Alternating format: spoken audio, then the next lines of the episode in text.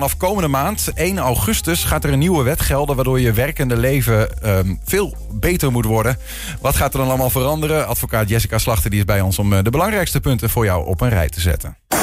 Dit is mijn uitspraak en daar moet u het mee doen. Rechtspraak met Damstee Advocaten. Jessica, welkom. Ja, dankjewel. Dank jullie wel. Uh, ja, eh, laten we maar gewoon meteen uh, erin duiken. Uh, een, een, nieuwe wet, veranderingen. Wat, wat betekent het concreet? Wat gaat er zoal veranderen? Wat zijn de belangrijkste veranderingen? Ja, er zijn inderdaad meerdere wijzigingen die er aankomen. De belangrijkste zijn, ik zal het nu tot drie onderwerpen beperken, of eigenlijk twee.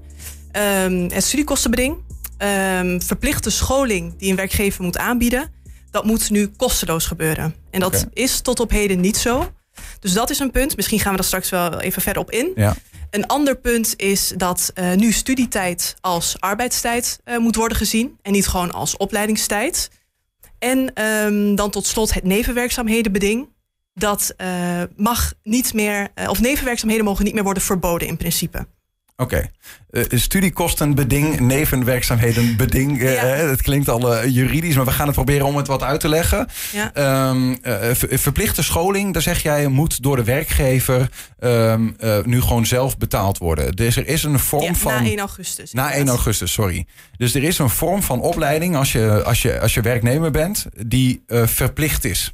Uh, waar hebben we het dan eigenlijk over? Wat, wat voor soort scholing is verplicht als je ja. ergens werkt? Um, dat is uh, scholing dat op grond van de wet verplicht is, op, of op grond van een CAO bijvoorbeeld.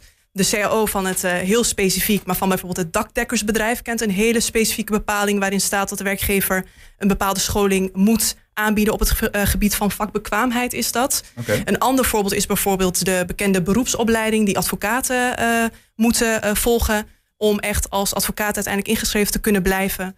Uh, dat is ook een, een, verplichting die een werkgever, uh, of een scholing die de werkgever verplicht moet aanbieden, omdat dat uh, noodzakelijk is om de functie uit te kunnen oefenen. En was het dan tot nu toe zo dat voor sommige werknemers gewoon gold dat ze die zelf moesten betalen?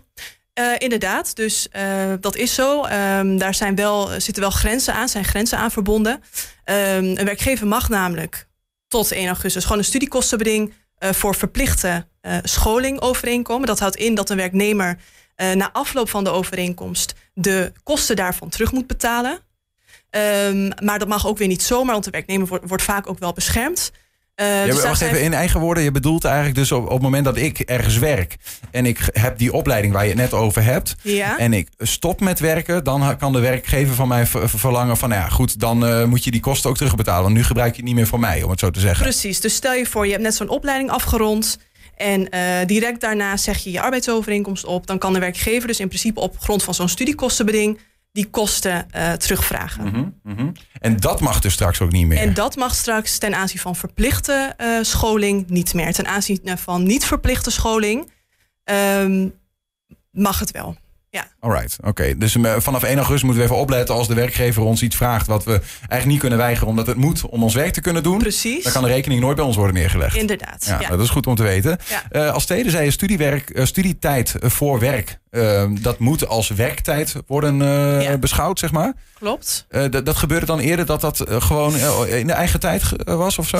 dat kan inderdaad. Of in ieder geval stond er niet per se iets tegenover. Uh, geen compensatie bijvoorbeeld. Dat hoeft nog steeds niet strikt genomen. Uh, maar het werd gewoon als opleidingstijd gezien. En dat is niet hetzelfde als arbeidstijd. Daarvoor hm. krijg je in principe niet uh, betaald. Je krijgt betaald voor het werk dat jij verricht. Ja. Dus dat wat commercieel van waarde is, even ja, kort gezegd. Declarabel. Ja, inderdaad, declarabel ja, inderdaad. Daar, ja, dus daar geldt dat dan voor. Oké, okay, maar, je, maar je zegt officieel. Goh, ja. ja, want, want uh, kan er een situatie zijn waarin je dan dus opleiding voor je werk doet, uh, waarin het nog steeds als eigen tijd wordt gerekend? Dus dat je een opleiding. Kun je dat herhalen? Nee, ja, ik, ik, je zei net iets ja? waar, ik even, waar ik van dacht: van, van uh, hoe, hoe bedoel je dat? Maar ik ben het ook even kwijt. Dus misschien moeten we gewoon even gaan naar uh, de vraag van: uh, als je straks dus een, een opleiding doet na ja. 1 augustus. Ja. En, en je hebt bij wijze van een, een jaar opleiding achter de rug. Ja. Um, studietijd. Maar je hebt dat in je eigen tijd gedaan. Oké, okay, um, op die manier. Kun je, kun je dat dan, kan je daarvan zeggen van oké, okay, maar ik begrijp dat de wet zegt, dit is eigenlijk nu gewoon werktijd, dus ik wil ervoor ja. betaald krijgen. Ja, ik snap inderdaad je vraag. Uh, dat zou inderdaad kunnen, uh, maar dan moet je wel kijken wat er dus uh, in de arbeidsovereenkomst staat opgenomen en in de CAO. Mhm. Wat je vaak ook ziet in arbeidsovereenkomsten, is dat ook een, bijvoorbeeld een overwerkvergoeding um, geacht wordt in het loon te zijn opgenomen. Mhm. Dus dan kan het heel goed zijn dat jij bijvoorbeeld geen vergoeding daarvoor krijgt of iets dergelijks. ja. Ook kan het bijvoorbeeld worden geregeld dat je misschien uh, eh, ATV-dagen daarvoor krijgt. Dus tijd voor tijd bijvoorbeeld. Precies. Dus dat is ook echt wel afhankelijk van wat er is uh, afgesproken of wat er in de CAO staat. Dan kun je zeg maar eh, op vakantie in plaats van dat je het uitbetaald kunt ja, krijgen. En is daar dus wel echt duidelijk iets over afgesproken? Dat kan. Of in de CAO bijvoorbeeld. Dan inderdaad, dan zou je dat kunnen vorderen. Dan zou je kunnen zeggen van uh, ik wil dat betaald krijgen. Mhm. En op grond van de CAO mag dat ook. En dan heb je in principe vijf jaar de tijd als werknemer dan om uh, dat terug te vorderen van je werkgever. Terugwerkende kracht kun je dan nog zeggen van ik maak gebruik van die wet. Zeg maar. Ik Vanaf 1 augustus 2022 want juist. daarvoor was het nog niet nee, zo. Exact. Ja. Uh, dan het derde ding, zeg je, dat is een, een, een verbod op werkzaamheden naast je werk, nevenwerkzaamheden. Ja. Moet dat zo zien? Zo moet je dat zien. Want dat mag nu wel gewoon of zo? Ja, nu zie je uh, vaak in arbeidsovereenkomsten dat dat in principe verboden is, tenzij dat de werkgever daar toestemming voor geeft. En nu wordt dat eigenlijk omgedraaid. Dus nu is het zo, nu mag het wel uh, in principe, uh, tenzij dat een werkgever objectieve rechtvaardigingsgronden heeft om het te verbieden. En dan kun je denken aan bijvoorbeeld, stel je voor een werknemer die gaat opeens werken bij een concurrent. Of die heeft uh, heel veel nevenwerk, heel veel klusjes naast zijn bijvoorbeeld fulltime uh, dienstverband. Mhm. En komt uitgeput op het werk.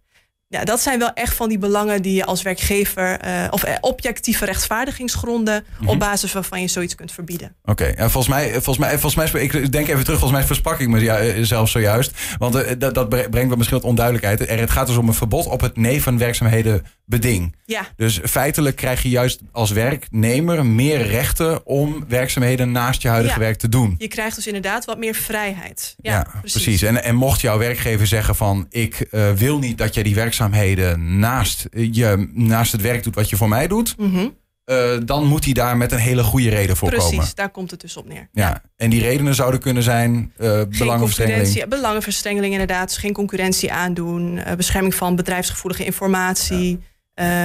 Het voorkomen van overschrijding van de arbeidstijdenwet. Dus wat, is geen, wat is geen geldige reden eigenlijk? Heb je die ook? Nou, dat vind ik wel een hele goede vraag. Dat vind ik wel eigenlijk lastig. Nou, een, een, geen geldige reden is gewoon nee, dat wil ik niet. Want ja.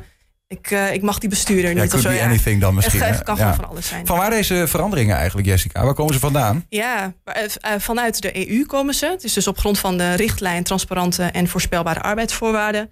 En het doel van die richtlijn is om uh, arbeidsvoorwaarden van werknemers te verbeteren door ze transparanter en voorspelbaarder te maken. Oké. ja. ja. dus dat moet deze wet doen. En hopelijk dit gesprek ook nog een beetje helpen om mensen inzichtelijk te geven. Maar voor werknemers hebben we nu gezegd van wat levert het jou nou op? Ik kan me ook voorstellen dat aan de andere kant die werkgevers die er staan, die bedrijven, dat die soms ook nog wel een beetje kijken van, uh, van ja, wat, wat is er nou ingewikkeld voor hen in deze ja, dingen? Nog best wel wat, want er zijn nog best veel onduidelijkheden. Bijvoorbeeld, ik zei net, verplichte scholing moet kosteloos worden aangeboden.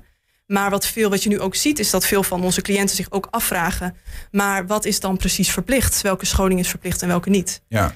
En dat is nog best wel. Uh, waar moet ik gaan betalen voor mijn werknemers en waar uh, kan ik uh, hun zelf aanspreken? Ja, waar niet en wat moet ik allemaal nu schriftelijk opnemen in mijn arbeidsovereenkomst? Want dat is ook een, een onderwerp. de informatieplicht wordt bijvoorbeeld ook uitgebreid van de werkgever in, deze, in dit wetsvoorstel. Dus er moeten bepaalde feiten in een, uh, of bepaalde ja, omstandigheden moeten worden vermeld in de arbeidsovereenkomst of CAO, schriftelijk in ieder geval. Mm -hmm.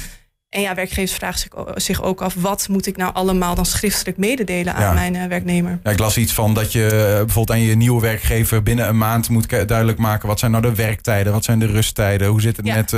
Op dit moment binnen een maand. En um, dus straks na 1 augustus moet dat um, binnen een week zijn, okay. na aanvang van het dienstverband. Wow. Maar voor geldende uh, arbeidsovereenkomsten, dus die nu al dus gewoon bestaan, geldt wel een maand. Als de werknemer zegt van ik wil eigenlijk weten, uh, ik wil eigenlijk weten waar ik aan toe ben. Dus hoe zit het eigenlijk met mijn uh, standplaat? Waar werk ik? Hoe zit het met opzegtermijnen? hoe kan ik mijn dienstverband beëindigen? Ja. Dan um, heb je als werkgever een maand daarvoor. Nou, nou, ik heb nog één vraag aan je. Dat is voor, kijk, dit gaat natuurlijk vanaf 1 augustus gaat die nieuwe wet intreden.